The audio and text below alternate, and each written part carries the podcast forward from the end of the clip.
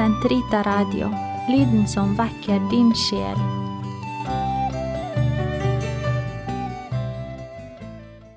Den katolske kirkes katekisme, uke 45, tirsdag 8.80-8.87.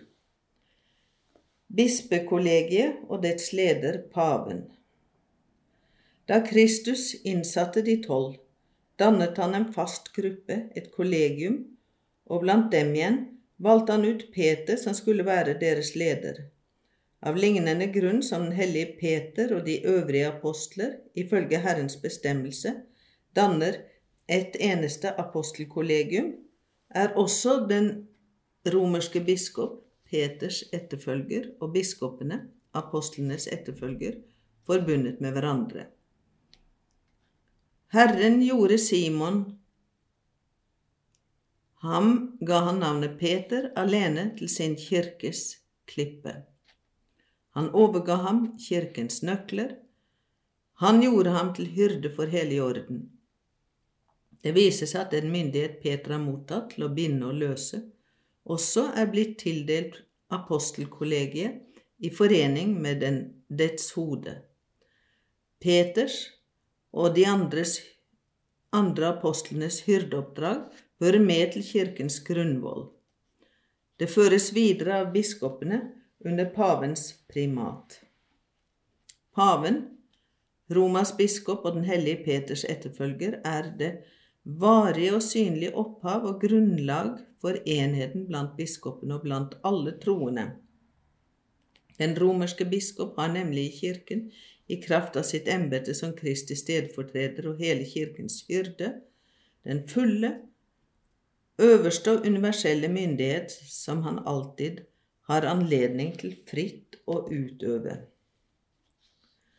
Bispekollegiets myndighet, dvs. Si biskopenes myndighet in corpore, forutsetter imidlertid at kollegiet blir oppfattet sammen med sitt hode, den romerske biskop.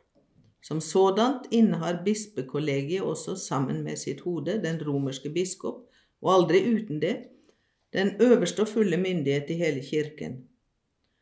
Denne myndighet kan ikke utøves uten den romerske biskops samtykke.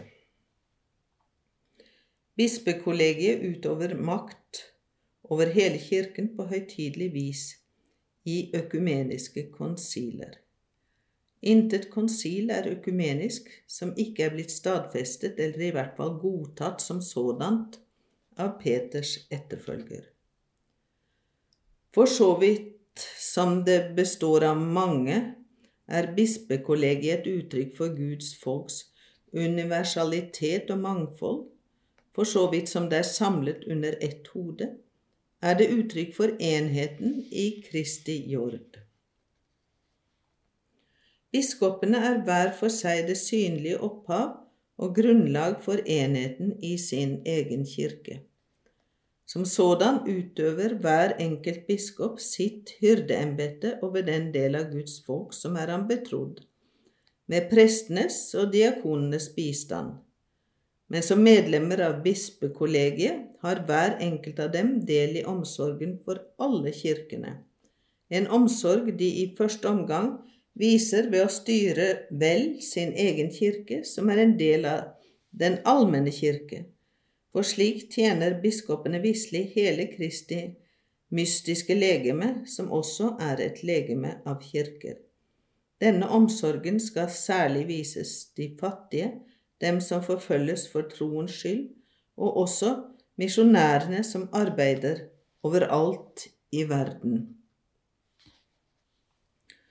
Lokalkirker som deler naboskap og felles kultur, utgjør kirkeprovinser eller større enheter som kalles patriarkater eller regioner. Biskopene innenfor slike enheter kan samles til synoder eller provinskonsiler.